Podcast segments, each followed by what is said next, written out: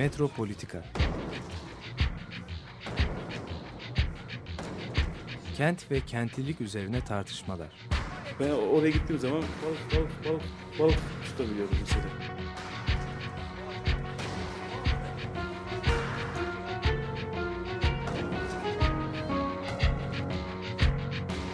Hazırlayıp sunanlar Aysin Türkmen, Korhan Gümüş ve Murat Güvenç.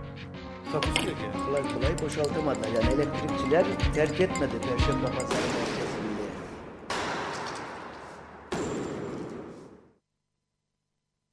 Merhabalar değerli Açık Radyo dinleyicileri. Bugün programda e, Murat Güvenç ve ben Korhan Gümüş birlikteyiz. E, programda neyi konuşacağız?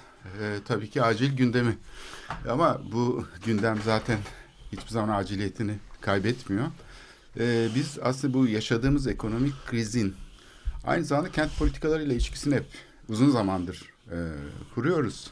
Belki de bu programın başından beri aslında bu krizin aslında kent politikalarıyla neredeyse iç içe geçtiğini hatta neredeyse kent politikaları tarafından tetiklendiğini söylüyoruz. Yani bizim programda bu şeyle ilgili epey bir arayışımız, tartışmamız oldu.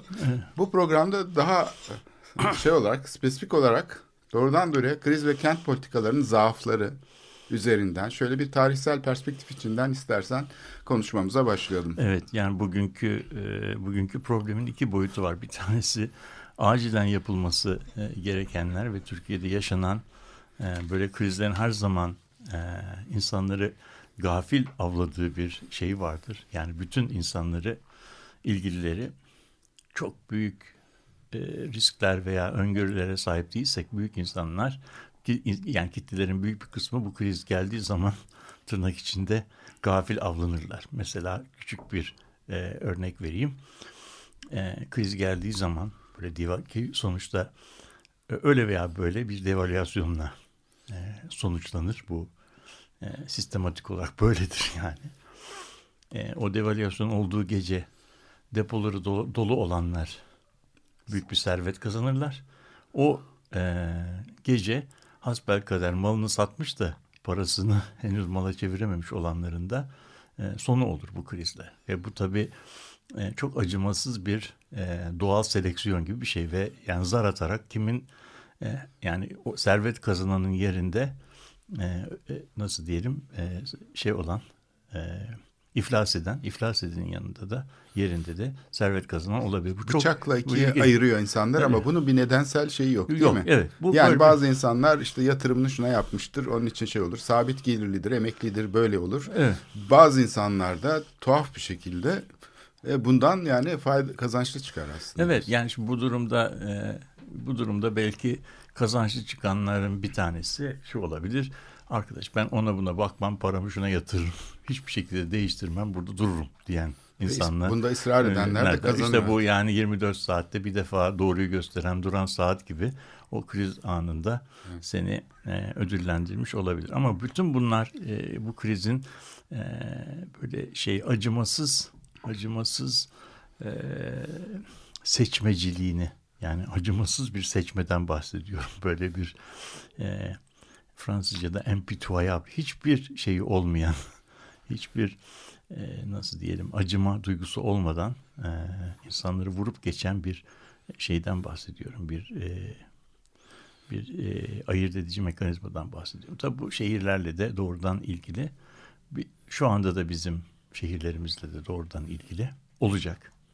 Herhalde ileride Türkiye bu coğrafyanın e, şehir tarihi yazıldığı zaman şu son şeyde e, geçirdiğimiz e, bir iki gündeki büyük değişimde bir tarihsel kırılma noktası olarak e, konacak. Bunun sonuna geldik mi gelmedik mi bilmiyorum. Belki biraz daha devam edebilir ama e, yani burada gelinen nokta çok muazzam bir şeye e, dönüm noktasına işaret ediyor. Bu burada peki ne oldu? Ben istersen 5 dakika, 6 dakika zaman alarak e, bu bu krizin bizim şehir ve şehir politikaları açısından anlamı nedir? Onu, onu, onu anlatayım. Tarihsel bir perspektif içerisinde.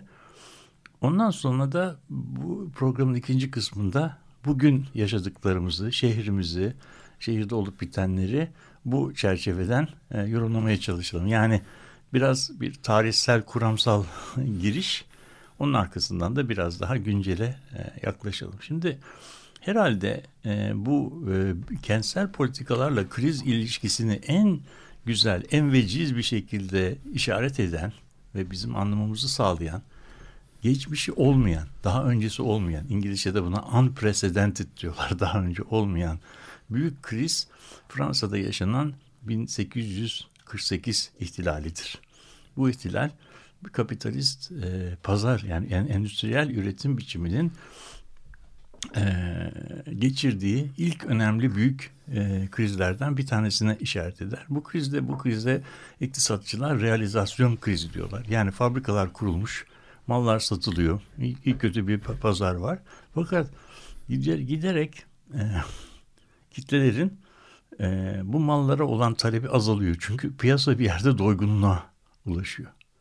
E, fabrikalar kurulmuş, insanlar çalışıyor. Her şey yerli yerinde.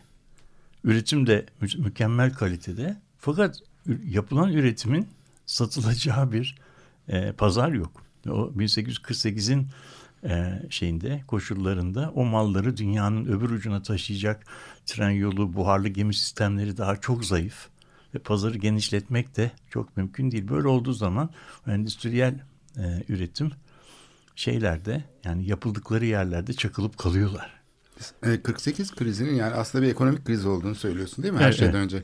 Tabii, yani, tabii bunun siyasi siyasi şey, tarafını bir parça daha fazla öne çıkmış oluyor. Siyasi tarafı bunun bir çeşit kendini e, siyasi platformda e, şey yapıyor ve bu kriz daha sonra 3. Napolyon'un iktidara gelmesiyle e, sonuçlanıyor. Ve bu iktidara geldikten sonra da e, bu krizden çıkış konusunda en dahiyane fikri e, ortaya çıkaran bir şehir yöneticisi. Ona da Baron Haussmann deniyor.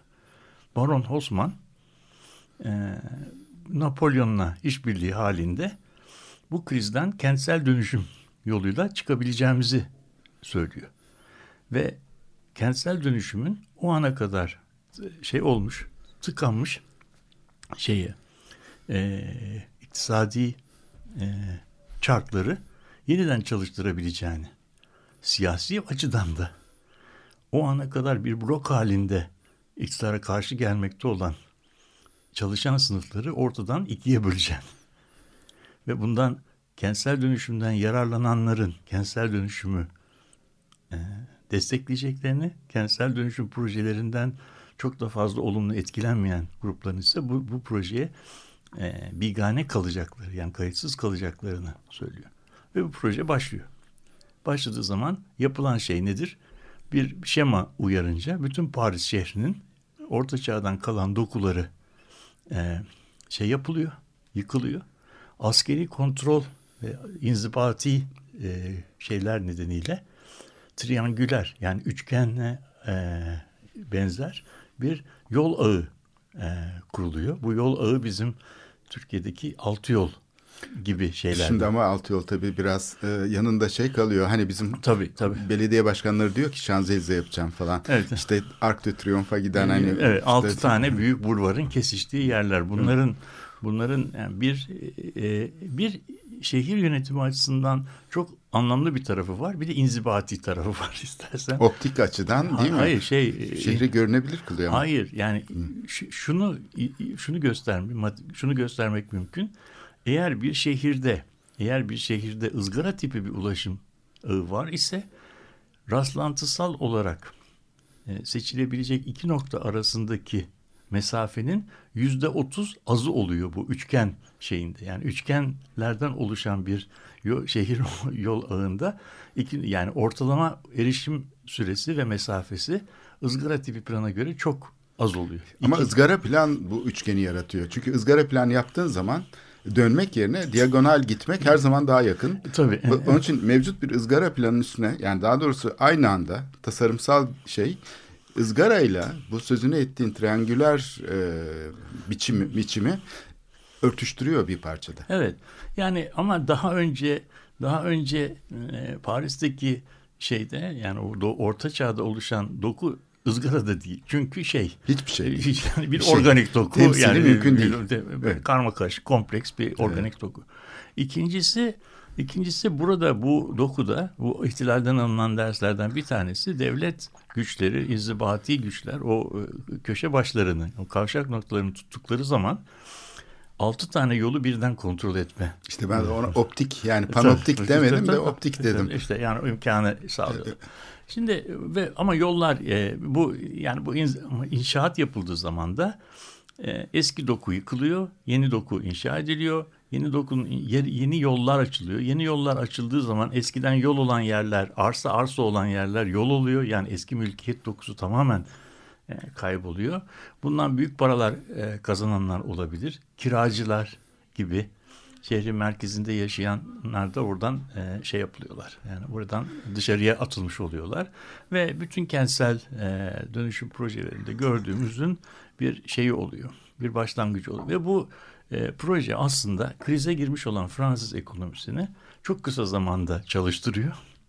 Ve e, 1970 1870'lere kadar e, sürecek bir böyle e, gayrimenkule dayalı bir büyüme ve istihdam ve gelişme e, trendi yaratıyor. İşte Paris şehrinin altyapıları yapılıyor, kanalizasyonları yapılıyor, yol sistemleri açılıyor, gaz gaz şeyle yapılıyor, modernizasyon şeyleri. Buna yani daha sonradan bakıldığı zaman David Harvey bu tür bir dönüşüme yani üretimden gayrimenkule kaymasını bu realizasyon krizinin e, çözümünde gayrimenkulün oynadığı e, rolü e, bir makaslanma krizi diye açı- açıklıyor. Makas yani makas dediğimiz tıpkı tren, tren yollarındaki makas gibi eskiden üretim alanında e, Dönüyor. dö- dönen sermaye bu makasa geldikten sonra üretim alanından ayrılıyor ve gayrimenkul alanında e, dönmeye, başlıyor. Evet. Bu, bu dönmeye başladığı zaman hem istihdam alanında bir gelişme oluyor hem de daha önce hiç kendisine yönelik hiçbir e, talep olmadığı için tıkanmış olan şey e, tıkanmış olan e, fabrikalar bu gayrimenkul e, alanındaki e, işlerin e, yani yükselen e, yatırımların etkisiyle çalışmaya başlıyorlar. Düşünsene bir ev yapıldığı zaman, bir gayrimenkul yapıldığı zaman hemen hemen yüzlerce sektörde talep yaratıyor. Taşımacılık, tuğla, mefruşat, işte bilmem e- ev eşyaları, dokuma, tekstil, e, yani giyim, yani e, Evet, bütün bütün, materyaller bütün- endüstriyel ürüne dönüşüyor yani tabii. bu, bu bu yüzden hani Evet. bu yüzden bu böyle bir şey var. Demek ki bu şehir ile şehir gayrimenkul alanına kaymasıyla kriz arasındaki ilişki böyle tarihsel olan bir ilişki. Ters de olabiliyor mu peki? yani Tersi de yani e, gayrimenkul alanında yani Türkiye'de gördüğümüz gibi şimdi Evet, şimdi istersen Oradan şeye ben, doğru. ben ben e, ben e, benim e, bıraktığım yerde küçük bir tarih bilmecesi var. Ben dedim 1870'e kadar bu sürdü. 1870'te Ne ne oldu? Paris gene Paris komünü oldu. O da onun tarihidir. Yani e, şey e, bu bu böyle bir büyüme ama gerilimsiz ve şeysiz bir büyüme değil. Çünkü bu e, bu çok büyük sermayenin öbür e, alanda e, şey yapması toplumun başka alanlarında e, inanılmaz gerilimlere, e, dengesizliklere yol açıyor ve uzun sürede bu da bunu şey yapıyor. Yani bu şey yani sermayenin böyle yaptığı e, dönüşlerin çok iyi yönetilmesi gerekir. Yani son, sonsuza kadar e, sürecek bir şey değil. Keynes'in e, modeli buna benzetilebilir. Yani üretim alanında tıkanıldığı zaman kamu harcamaları yoluyla, altyapı yatırımları yoluyla sermaye yeni dolaşım kanalları açmak, bu şekilde talep yaratmak, o talep yoluyla da e, ekonomiyi çalıştırmak. Şimdi bu Keynes'e malum soruluyor hani bu ne kadar dayanır? Bu diyor dayan oldukça gider ama uzun vadede hepimiz öleceğiz diyor. Yani bu bunun sonsuza kadar sürecek bir çözüm olmadığını Keynes'in büyük Keynes'in yani şeyi e, teorisi de e, söylüyor. Şimdi bu bizim yani bu kısa e, biraz lafazanlık gibi de gelebileceğimiz e, kriz şunu gösteriyor. Yani şehirsel e, bu büyük birikim rejiminde ki bu buna üretime dayalı birikim rejimi, gayrimenkule dayalı birikim rejimi, ihracata dayalı birikim rejimi gibi e, birikim rejimlerine şey yapabiliriz. Bu birikim rejimlerinde bir bir birikim rejiminden ötekisine geçiş kentsel e, alanın yönetiminde oluşmasında çok büyük dönüm noktalarına e, tekabül ediyor. Şimdi bunu hemen Türkiye'ye e, taşıyalım. Türkiye kent tarihi genellikle 20. yüzyıl itibariyle bakıldığı zaman ekonomi politik açısından dört tane önemli e, kırılım, kırım, kırılım noktası üzerinden incelenir. Bir tanesi Osmanlı e, tanzimatından e, Osmanlı Devleti'nin yıkılışına kadar geçen yani 1839-1923 dönemi ona İlhan Tekeli utangaç modernite dönemi der. Yani modernitenin radikal biçimde değil de biraz seçmeci, yavaş uygulandığı bir şey. Mesela askeriyede, eğitimde hızlı şey yaparken gündelik hayattaki uygulamaların oldukça yavaş olduğunu biliyoruz. Şeyin e, 23-46 dönemine radikal e, modernite deniyor. Bu tek parti dönemi siyasi olarak bambaşka bir şey.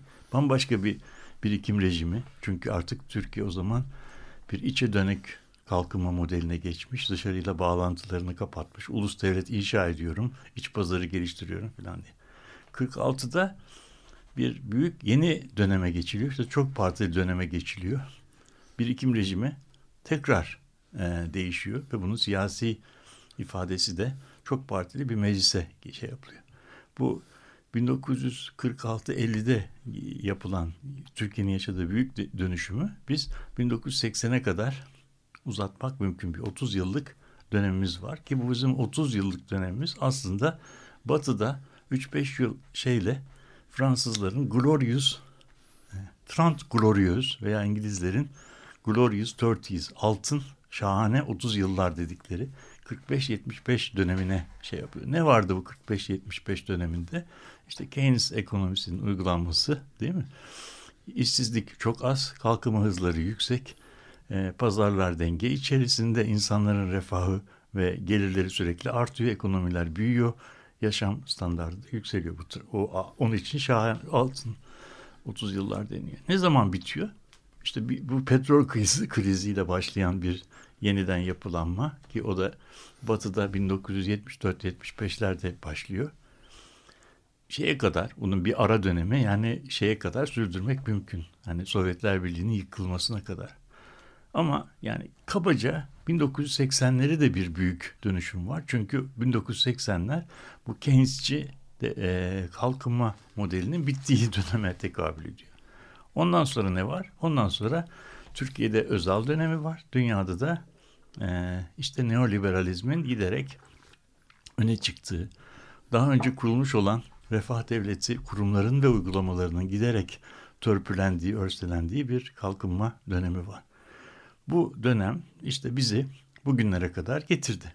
Bugüne kadar getirdi. Ve bu, bu dönemde de e, ne, neydi şey? Yani esas itibariyle e, büyümenin kalitesinden veya dağılımından çok büyümenin kendisi öne çıkarılıyordu. Yani çarkların e, şeyi dönmesi çok önemli ve e, yani üretimin burada veya başka bir yerde yapılmasından çok o ekonominin dünya sistemiyle entegre olarak büyümesi e, önemli. Yani mercimeği burada üretmek pahalıysa başka yerden alabiliriz.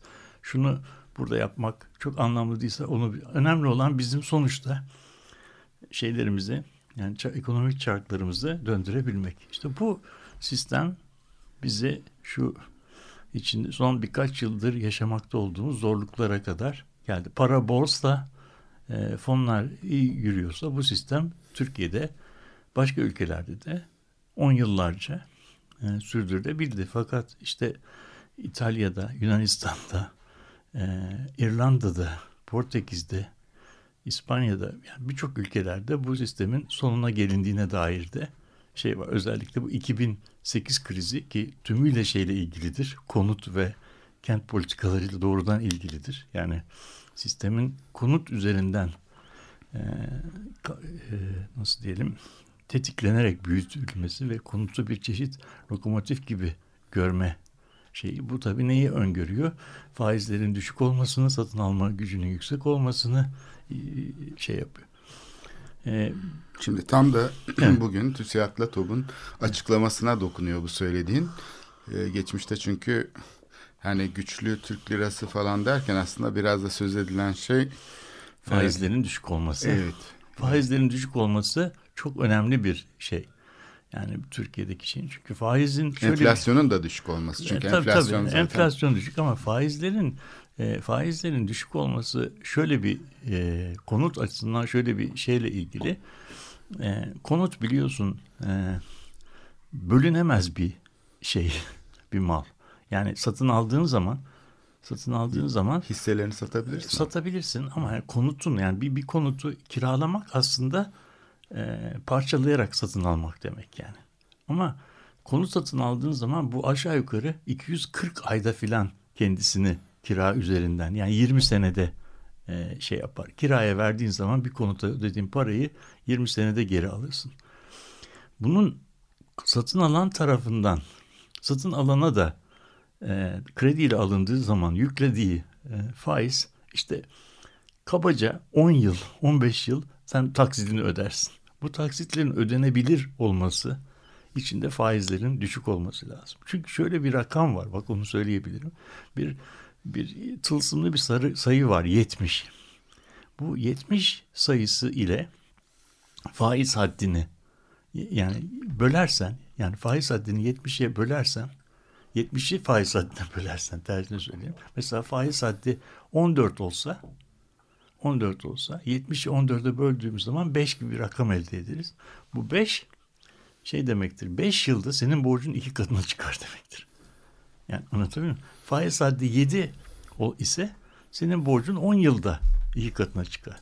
Faiz haddi 2 ise 70'i 2'ye böldüğün zaman 35 yılda senin borcun. Ama aynı şey enflasyon için de geçerli. Paranın Hayır, da sen tabii değeri. Enflasyon, enflasyon olmadığını söylüyor. Yani sen şimdi mesela o zaman faiz haddinin iki düzeyinde olduğu bir yerde bir konut kredisi alırsan kredinin yani faizinle ödediğin zaman 35 yılda senin paran iki katına borcun iki katına ama 14 ise senin paran 5 yılda iki katına çıkar. O yüzden faiz haddi ne kadar yukarıya doğru çıkarsa konut satışları aynı hızda e, aşağıya doğru gider. Belli bir düzeyden sonra da konutu artık krediyle, banka kredisiyle almak imkanı e, ortadan e, kalkar. O yüzden şimdi yani kredi ile kredi düzeyi, enflasyon ve konut satışı arasında böyle bir ilişki var.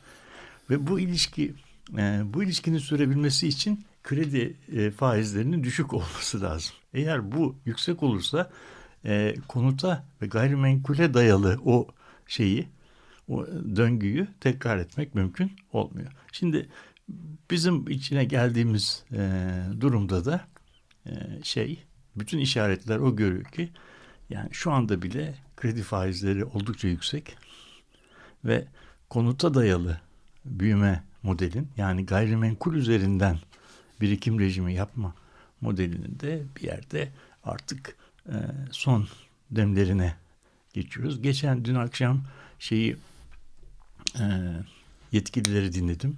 Sayın Cumhurbaşkanı'nın konuşmasını dinledim. SETA'da yaptığı vurguları. Üretim, üretim, üretim. ihracat, ihracat, ihracat dedi. Yani şimdi bu, bu vurguları aslında biz artık o döngüyü terk ediyoruz. Öbür döngüye giriyoruz. Üretim üzerine geçeceğiz. Tabii bu e, sabahtan akşama ka- e, kadar yani o göz açıp kapayıncaya kadar yapılabilecek bir şey değil.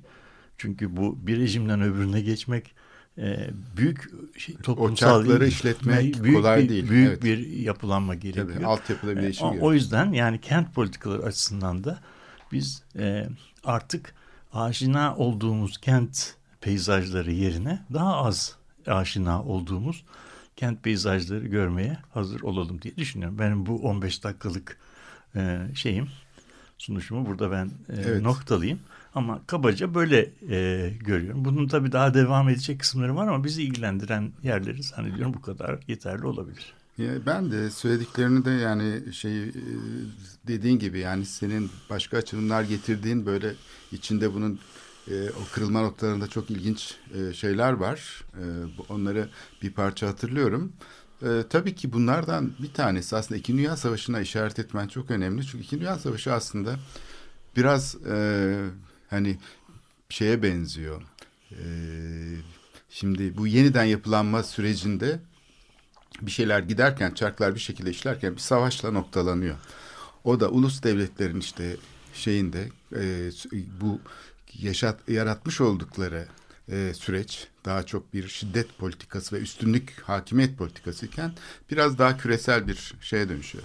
Fakat bu yani mesela şeyin de 1850'lerin şeyinde de mesela bu e, Baron Osman'ın yıkımlarından önce e, yıkımlarından farklı olarak yangınlar meselesi var. Yani şehirlerin mesela böyle şey olduğunu hani o deneyim orada üretiliyor. Mesela Beyoğlu yangını 1870 yangını. Ondan önce de 1840'larda da bir yangın var.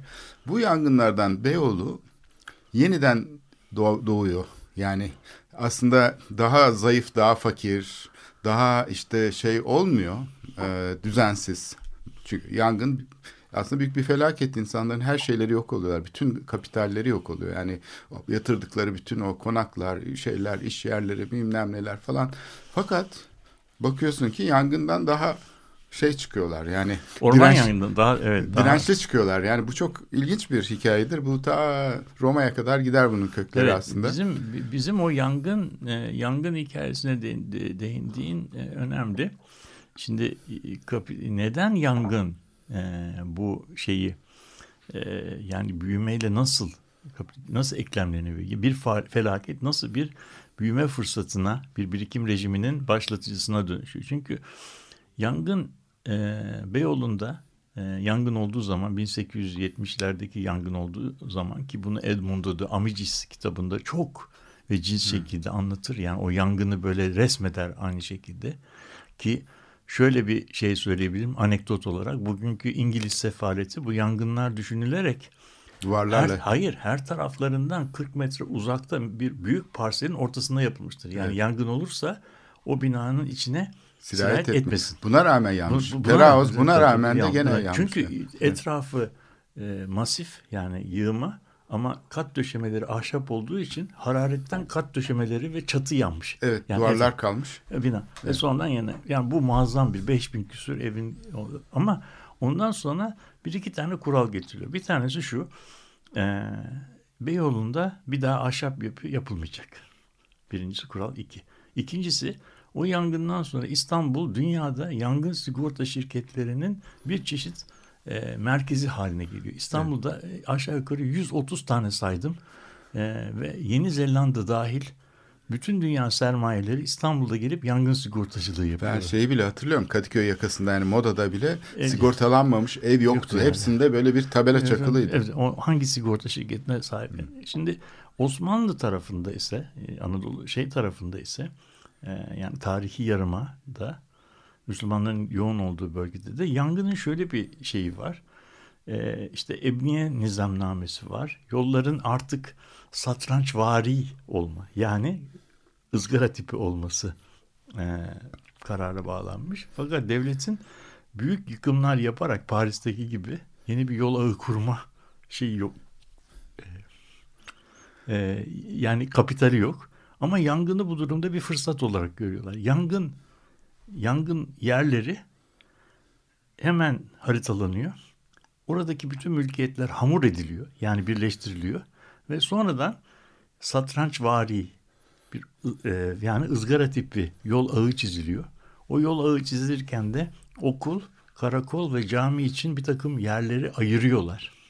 Yani bu şekilde yeni bir e, yeni bir e, kamu malı arz sistemine geçiliyor ve onu da e, arsa sahiplerinden bilabeder yani para ödemeden e, alıyorlar ve parça parça yani yangın oldukça orası ızgaraya dönüşüyor. Yangın oldukça ızgaraya dönüşüyor. Bu şekilde e, aşağı yukarı 100 yıllık bir süre içinde şeyde tarihi yarımadada eski çıkmaz sokaklardan oluşan yanmamış kalmadığı yer çok az kaldı. Çok nadir yerler kal, kal, kalıyor. Evet. En çep onun haricinde Kadırga mahallesi filan. Evet. Onun haricinde her tarafı ızgara tipi. Evet bir, bir tanesi yangın. Tabii depremi de aslında burada örtük De- olarak söylemiş oluyoruz. Tabii yani yangın e, depremden kaçarken yangına tutuluyor. Çünkü Ya- taş yapmayalım diye. Evet. Ahşap yapılıyor. Ahşap yapıldığı zaman da yangın oluyor işte. Tutuluyor. Evet bu şimdi bu kaçış e, şeyi e, Düzce'de falan çok görüldü. Ahşap yapılara sığındı insanlar. E, bir de ikinci konu senin şimdi bu değindiğin konulardan aslında genişleyebilecek parantez. Bu şimdi e, 19. yüzyılda İstanbul'un şehirsel yatırımları diyelim, kamu hizmetlerinin aslında küresel finans piyasalarından desteklenmesi. Evet. Bugün mesela bunu benzetebilir miyiz, benzetemez miyiz? Bence çok benze- benzeyen taraflar Var. var. Fakat Hatta- benzemeyen bir taraf da var. Tamam. Yönetimi. Tamam. Yani o zamanki bu küresel piyasalardan e, temin edilen kaynak aslında e, beğenelim beğenmeyelim ama daha iyi yönetiliyormuş gibi bir his var içimde. Ee, Yani e, doğru dürüst mesela şey yok, yolsuzluklar yok falan. Yani doğru dürüst bir yere doğru hedefleniyor. İşte ulaşım altyapısına gidiyor, haberleşmeye gidiyor, enerjiye gidiyor falan. Daha böyle geniş manada kamu hizmetleri alanının modernleşmesine gidiyor. Bugünse tamamen bu şey, bu muazzam borçlanma öyle bir kamu şeyinin yaşantısının gelişmesine değil e, biraz e, bu şeyin transfer aracı olarak kullanılmasından dolayı inşaat e, piyasasının ve konut e, politikalarının böyle sanki e, aynı şekilde bir başarılı bir yönetimi olmadığı görülüyor. Evet şimdi bu söylediğine tamamen katılıyorum. Bir tanesi bir tanesi şu. bu bir bir benzerlik var. Hatta bazı yazarlar bir dejavüden bahsediyor. Yani 100 yıl gecikmeyle e, döndük dolaştık. Kamu eliyle hizmet arzından tekrar özel e, şirketler eliyle hizmet arzına e, geri döndük. Yani bir dejavü. Yani biz bunu 100 yıl önce yaşamıştık. Bu doğru benzerlik. Ama arada önemli farklılıklar var. Biraz onun, senin orada da tamamen katılıyorum. Her ne kadar her iki dönemde de çok ilginç imtiyazlar elde ediliyorsa da. Yani mesela Terkos şirketiyle ilgili e, yapılan anlaşmada e, şey kamu otoritesi yani işte önümüzdeki 35 yıl falan gibi bu imtiyaz süresi içerisinde şehre su sağlamak için bir başka şirketle e, anlaşma yapmayacağını taahhüt ediyor. E, bunu e, işte tramvay şirketiyle ilgili yapılan şeyde elektrik şirketiyle ilgili bunların her birisinde bir e, hizmet e, sağlama imtiyazı veriliyor. İmtiyaz. Ama bu imtiyaz bak bu, bu, bu imtiyaz oldukça da sık yani imtiyaz vermezsen o şirketi bu yatırımı yapmaya ink- ik- şey yapamıyorsun, ikna edemiyorsun. Vermişin, geliyorlar adamlar yapıyorlar. Fakat üzerlerinde ben mesela Osman Nuri'den okudum. Çok ilginç şeyler var. Mesela İstanbul'a telefon şirketi gelmiş. Sağdan sola o zaman telefon hatları döşeniyor. Ve hızla döşenmesi de gerekir. Ee, şeyde şöyle bir e, şöyle yani anlaşmada şöyle bir e, madde var. Diyor ki siz diyor şimdi hızlı bir telefon şebekesi kuracaksınız. Onun için hızlı çalışmak zorundasınız. Direklerinizi ve şeylerinizi, e, tellerinizi yani şehrin üzerinde kurabilirsiniz. Ama ben de kamu otoritesi olarak bir estetik komisyonu kuruyorum. Bu estetik komisyonum e, bir yıl içerisinde şehri gezecek, çeşitli yerleri tespit edecek. Bu telleriniz, direkleriniz ve hatlarınız bizim güzel şeyimizin, başkentimizin manzarasına halel getiriyorsa bizim önereceğimiz şey, hat değişikliklerini yapmayı taahhüt eder diye şey yapıyorlar. Yani telefon şebekesi şey yapılırken, e, döşenirken bir estetik komisyonu kurup şehrin peyzajını e, peyzajını nasıl diyelim e, e, e, korumak kaygısıyla hareket eden bir e, yönetimden söz ediyoruz. Bugünle arasındaki ikinci bir fark imtiyaz bir defa verildiği zaman orada kalıyor. O dönemki şeylerde ben hizmet garantisi, talep garantisi hiç okumadım. Yani Evet. yani bu ben siz buraya e, su şebekesi döşüyorsunuz. Su tüketimi şu kadar olacak. Ee, Olmazsa ben size olmazsa parasını arada vereceğim. Bunu bunu görmedim. O zaman çalışmaz ki şirket nasabı geliyor para. Ha, yani onu, Evet. onu görmedim. Ama bugünkü şeylerde, bugünkülerde yani Dejavu'nun bugünkü e, şeylerinde, uygulamalarında bir e, hacim, hizmet, e, miktar konusunda devlet e, garantileri de var. Yani orada imtiyaz yeterliymiş. Yani bir başka rekabeti edecek bir başka şirketi bu alana sokmamak şirket açısından yeterli bir insentif sağlıyor. Bugün birçok yatırımda bu yeterli olmuyor diye düşünüyorum. Yani Evet. burada kesebiliriz. Evet bu şimdi tabii bazen çalışıyor bazen de çalışmıyor. Mesela deniz otobüsleri Osman Gazi Köprüsü gibi Evet. ya da işte motorlarla şeyler arasında imtiyaz değil ama e, bir taraftan da e, satışlardan elde edilen gelirin işte doğrudan doğruya merkezi bütçeye gitmesi. Şimdi burada istersen bir nefes alalım. Evet. Paul Simon'dan dinleyeceğiz. Can't Run But. I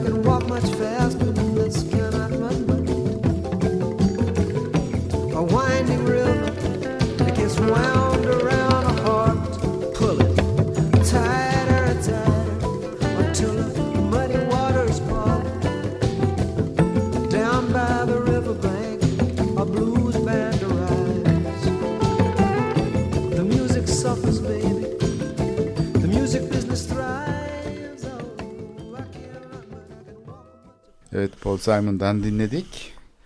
Ee, şimdi Murat'la konuşuyoruz. Murat Güvenç'le. Ee, ben Korhan Gümüş. Metropolitika programında. Ee, şimdi sen e, dünkü konuşmaları da dikkate alarak e, zaten belli olan bir şey vardı. Uzun zamandır da bir, bu krizin aslında işaretleri vardı. Uzun bir süre e, aslında bu işaretler ve ondan önce de zaten tartışmalar vardı. Şimdi bu çarklar başka yönde eşleyecek deniyor. Evet. Yani e, konut alanında, inşaat alanından tekrar üretim, üretim, üretim Alana. alanına doğru çarklar. Evet. Fakat bu çarklar genellikle işletilirken, şimdi burada çok işin püf noktası şu. işletilirken yani bu piyasa ekonomisi zaten kendi kendine düzenliyor. Burada kriz yaşandı. Et, kendi kendine şimdi ekonomi güçlük. Nasıldı o? Eskiden sanayiciler ne yapıyorlardı? Televizyon fabrikası olanlar falan. Oturup İstanbul'da bir kamu arazisi alalım oraya ne kadar çok hani bir AVM falan bir şey yaparsak oradan gelir elde edebiliriz diye düşünüyorlardı. Şimdi bu da gene aynı modelle. E işte nasıl olsa e, bu inşaat piyasasında falan bir şey olacak. Öyle pat diye de geçilmeyeceğine göre piyasa kendi kendini düzenler. Sence düzenleyebilir mi? İşte demin verdiğimiz örnekte e, o pek e, mümkün olamayabilir. Çünkü e, bu krizlerin stabilize edilmesi için alınması gereken e, önlemler arasında e, fiilen e, faiz hadlerinin yukarıya çıkarılması gibi politikalar da var ki o e, istikrar, iktisadi istikrar tedbirleri manzumesi içerisinde geliyor. Yani kredilerin pahalılaştırılması. Kredilerin pahalılaştırılması konuta yönelik olan talebin ve gayrimenkul alana yapılan e, yatırımların çekiciliğini azaltıyor. Azalttığı zaman da ki bunun örneklerini biz 1958 yılındaki devalüasyondan sonra Türkiye'de açıkça görebiliyoruz. Ondan sonra toplum böyle bin, bir sene, bir buçuk sene 58'de tartışmış ve İstanbul, Türkiye'nin planlı ekonomiye geçişini öngören e, şeyler, öneriler Ankara'da bürokratlar tarafından değil, İstanbul Ticaret ve Sanayi Odası tarafından Ankara'ya öneriliyor. Deniyor ki bu sistem bu şekilde devam edemez. Biz artık kaynaklarımızı planlı olarak şey yapmalıyız. Bunu se- özel sektör, sektör söylüyor. Özel Planlı sektör- ekonomiyi özel- geçişi. Evet, Evet. Yani bu- bunu bunun kaynakları evet. var. Nitekim birinci kalkınma planının e, metninde ve birinci kalkınma planının hemen sonrasında yapılan Mar Doğu Marmara bölge planında rahmetli burada e, Tuğrul Akçura'yı da e, analım. Turgut Cansever de bunun içerisinde Evet, var. planlama bürosu. Evet, evet. Bunun, onlar onlar planın amaçları olarak şunu söylüyorlar. Biz bugüne kadar yapılmış olan e, kamu yatırımlarını, altyapılarını en etkin bir şekilde kullanmak ama yeni kamu yatırımı, konut yapımı yatırımı yapmamak şeyinde.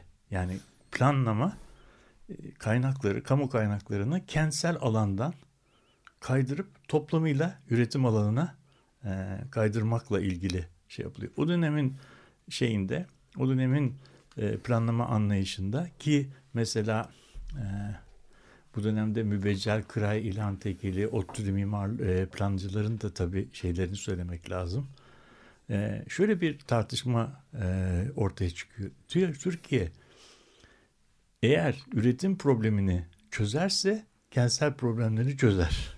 Ama Türkiye üretim ve ithalat bağımlılığını çözmeden kentsel problemleri çözme şeyine e, girerse bunu hiçbir zaman çözemez. Çünkü kentsel problemler her zaman e, kamunun yapabileceği büyüklüklerin daha büyüğünde, daha büyük. şey. O yüzden Türkiye bu şey döneminde, e, bu Batı'nın yaşadığı o altın 30 yıllar döneminde Türkiye Batı'dan tamamen farklı bir kentsel politikalar izlemiş ve kentsel hayat şey olmuştur. Batı'da bu altın 30 yıllar alt kentleşme, suburbanın kuruluşu, işte değil mi sübürbanizasyon, orada bir, bir şehrin nasıl diyelim çeperlere yayılması, yeni yolların açılması, işte e, banliyölerin oluşması gibi süreçler yaşanırken bu 30 yıllarda Türkiye'de kentsel alana yatırım yapılmamasından dolayı yani su, yol, iletişim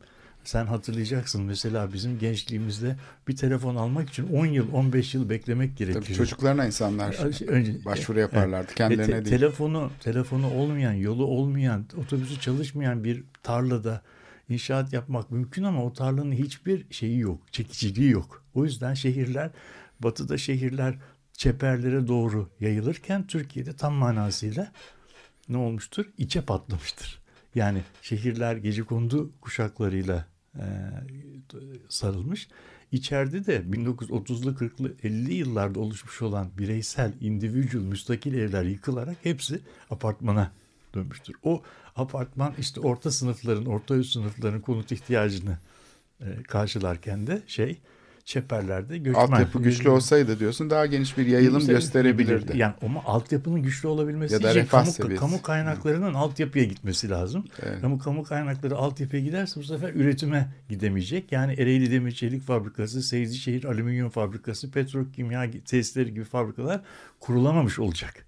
Yani burada bir Sofi'nin seçimi gibi bir ikili seçim var. Ya onu yapacaksın ya onu yapacaksın. Türkiye büyük ölçüde e, sanayileşmeyi teşvik ettiği için e, müstakil konut dokularının tamamını bütün şehirlerde apartmanlaştırmıştır. Onun için şehirler, Türkiye şehirlerinin büyük bir kısmının aslında morfolojisi birbirine benzer. 1980'lere kadar ki şehirler çok tıkız şehirlerdir. Yani çok yoğun ve çepere yayılmamış şehirlerdir. Boşluksuz büyümüş şehirlerdir. Ve mesela eskiden Osmanlı döneminde Fener Yolu ve e, Göztepe istasyonlarının arasında geniş boşluklar varken bugün Fener Yolu ve Göztepe arasında hiç boşluk kalmamıştır. Evet yani o şeylerin artık yerlerin birbirine karıştığını görüyoruz değil yani mi? Evet. bunlar artık birer durak gibi bir şey. Yani aslında sürekli bir doku içinde çeşitli duraklara dönmüş Evet. vaziyet. Bu e, buna benzer. Şimdi bugün geldiğimiz noktada ne olacak? Ben e, kamunun giderek tedricen şehirsel altyapı yatırımlarından biraz çekileceğini, önemli ölçüde çekileceğini ve o kaynakların da büyük ölçüde üretim alanında teşvik olarak verileceğini düşünüyorum. Bu durumda Bu varsayımın yalnız e, şöyle bir e, şeye e, dayanıyor. Bir akıl var ve bu akıl aktörlerden bağımsız olarak e, kendi kendini düzenliyor. Belki de biraz Ya hani uzun- Türkiye'deki uzun- yeni rejim bunu s- sağlıyor da gözüküyor uzun- ama yani bunun e, bunun sonunda Ya sos- önümüzde yerel seçimler var. Çok açık söyleyelim. Şu andaki politik temsil alanında bu inşaat e, piyasasından nemalanan, buradan ayrıcalıklar elde eden, rantından değil mi? Şeyler çok güçlü bir şekilde temsil ediliyor. Bunları nasıl peki şey yani yapacağız? e, Soru bu yani. ama işte ü- politik üretim- alanını bunlar e, belirliyor ve e, yeniden üretiyor Ta- politikaları. Tamam ama yani şimdi burada mesela birkaç tane dün yine önemli bir haber vardı. Çok önemli bir haber. Ve Basında çok az yer tuttu. Bir tanesi şey e, işte bu Çevre Şehircilik Bakanlığı müteahhitlik İnşaat Müteahhitlik Kurumu'nu e, yeniden ele alıyor. Ve de diyor ki artık önüne gelen inşaat yapamayacak. İnşaat yapabilmenin ön koşullarından bir tanesi e, işte e, bir seçim olacak. Yani seçilebilirlik olacak. Müteahhitlik bir karneye bağlanacak.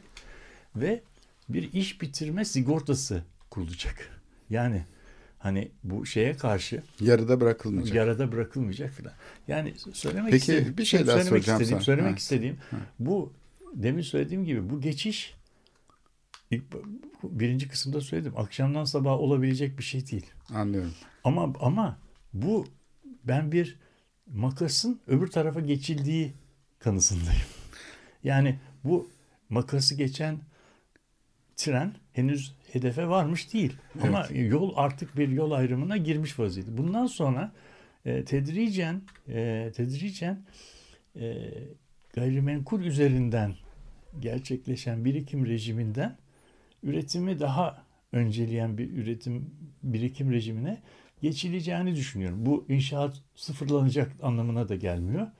Ama e, vurgu giderek öbür tarafa doğru geçecek. Öbür tarafa doğru geçtiği zaman da ben şehirlerde bugüne kadar yapılan e, yatırımların aynı hızda devam etmeyebileceğini şey yapıyorum. Benim şeyim öngörümde biraz orta vadede diyebiliriz. Yani yerel seçimlere kadar ne olur, önümüzdeki 3 ay içinde ne olur onu söylemek için kahin olmak lazım ama ben e, bir değişikliklerin olabileceğini düşünüyorum. Şimdi bu söylediklerin aslında e, biraz hani hipotetik olmakla birlikte yani varsayımsal olmakla birlikte hani bekleyip böyle onun üzerinden de tartışılması gereken konular. Mesela şimdi müteahhitler diyorlar ki müteahhitler birliği işte elde şu kadar konu stoğu var. E, ne olsun devlet bunları satın alsın. Şimdi bu Evet. çok hani para bas e, gibi bir şey yani. Merkez Evet. Bankası işte şey yapsın e, para az geliyor herkes zengin olsun nasıl olacak para bassın Merkez Bankası. E, Bunun tamam. demek gibi E, bir şey. Evet tamam. Bunun bunun bu, bunun paz- pazar ekonomisiyle açıklanabilir bir tarafı yok. Yok ama böyle şeyler dile getiriliyor. Yani bir Şimdi kere bu da bir ben- kere bir kere şöyle bir şey de var. Yani burada burada şöyle bir şey var. O binalar yapılabilsin diye zaten devlet çok e, yapımcıya çok önemli yardımlarda bulunmuş. Talebi örgütlemiş, TOKİ üzerinden krediler vermiş, şey yapmış, binalar orada oluşturmuş ve sonunda adamlar e, kredileri almışlar, binaları yapmışlar. Şimdi satamıyorlar. Evet. Bir de bir de yaptığımı da satın alsın.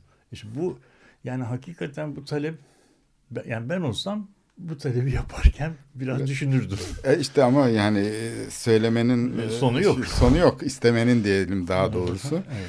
Bir de tabii kamunun düzenleyici olduğu bir takım konular var. Şimdi bunlar mesela üçüncü köprü yapıldı. Yapılmadan olsaydı mesela şimdi bir tartışma yaratacaktı. Üçüncü havalimanı inşaatı sürüyor ve ama bu bir havalimanı inşaatı değil bir uydu şehir inşaatı aynı zamanda. zamanda Çünkü Yanında bu bir- tip bir havalimanları e, şeyle birlikte büyüyorlar. Yani bir yerleşim şey. alanıyla birlikte büyüyorlar. Bu yerleşim alanı sadece servisler için değil aynı zamanda o bölgeyi yani bir tür şeyle bağlayan e, işlevlerden oluşuyor. Yani finans kurumları orada oluyor, şeyler burada oluyor. Hatta bazen serbest bölge yapılıyor falan filan. Bunları e, geçelim.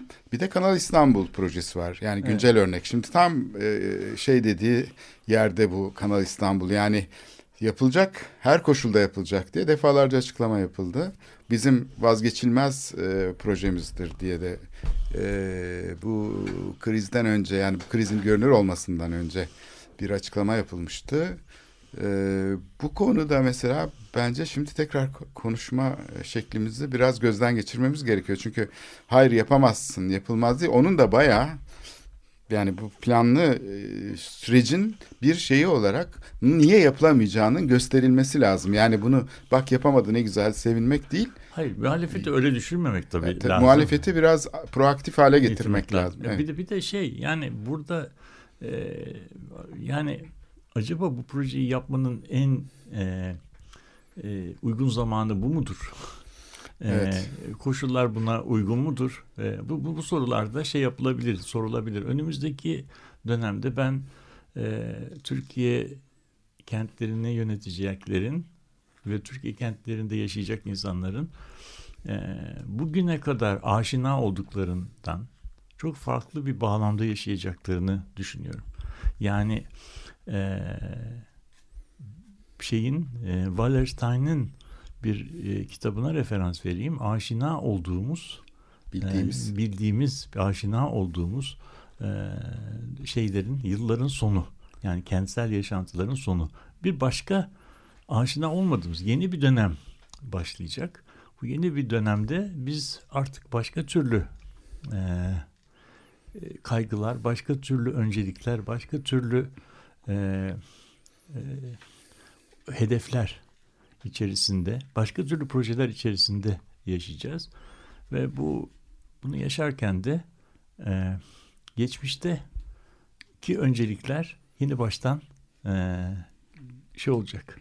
E, yeni baştan düzenlenecek. Yani bundan evvel çok önemli olan şeyler, önem verdiğimiz projeler, bunu sadece Kanal İstanbul için söylemiyorum. Önem şeyleri tersine düşecek. Bir e, Bruce Springsteen diye bir e, çok ünlü bir Amerikalı e, Amerikalı rock and roll e, şarkısı şarkıcısının bir e, Amerika'da Amerika'da doğmak gibi bir şey, Hmm. şeyi var. Şey Evet, var. çaldık Bo- programda biz onu ya. Born in the USA diye bir şarkı. Bir kere çalmıştık galiba. Orada benim beni çok e, çarp etkileyen bir dize var. Onu ondan onu bir metafor olarak e, kullanıyorum. Bu şarkı aslında 74 krizini anlatıyor. 74 krizinden önce e, şarkıdaki kahramanımız şeye gitmiş. E, Vietnam'a gitmiş. Ondan sonra Vietnam Savaşı bitmiş gelmiş ve tam geldikten sonra da dünya krizi patlamış. Petrolün fiyatı artmış ve artık fabrikalar eskisi kadar yüksek sayıda insan almamaya, büyük bir kısmı da kapanmaya e, başlamış. Ve o şarkıda işte o bir fabrikanın personel müdürüyle yaptığı konuşmaya referanslar yapıyor ve ondan sonra da diyor ki ya geçmişte önemli olan çok önem verdiğimiz ne varsa artık önemli değil diyor. Yani artık önceliklerini kaybetti. Çünkü bu demin söylediğim bu birikim rejime şeyi çok soyut böyle ele gelmez bir kavram ama çok büyük bir dönüşümün adı olduğu için ele gelmez ve soyut. Yani bu aslında hayatın her alanında kendini hissettirecek dönüşümler. Biz e, yavaş yavaş bunu yaşamaya başlayacağız. Yani bu e, küçük bir yani doların fiyatının yüzde iki buçuk artması, bir buçuk eksilmesi gibi bir şey değil. Yani bu kadar büyük bir e, şey göstergede değişiklik olduğu zaman artık uyum da çok radikal olmaya başlıyor. Evet programın sonuna geldik. Ee, bu programda e, gerçi bu programı herhalde bir, bir kere daha yapacağız. Buna bunun çünkü burada bitmeyeceği çok açık. Ama yaşadığımız krizle kent politikalarının ilişkisini kurmaya çalıştık. Ee, belki e, önümüzdeki programlarda da biraz öneriler ve şey bu değişimi e, nasıl olabileceği konusunda e, bunun temelleri üzerine tartışabiliriz. Bu yeni politikaların temelleri, alternatifler üzerine konuşabiliriz. E, şimdilik e, politikanın böyle bir e, kent politikalarıyla ilişkisini, bu krizin e, ilişkisini e, kurmaya çalıştık. Bir, bir daha buna referans verelim de geri dönmeyelim. tamam bir daha. Evet bir kere yaşamak gerekiyor galiba. Evet. Evet. Herkese iyi haftalar diliyoruz. haftalar, Hoşçakalın.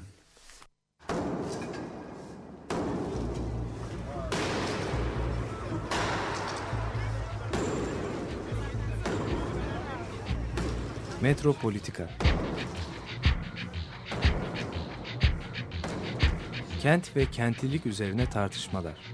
Ben oraya gittiğim zaman balık balık balık balık tutabiliyorum mesela.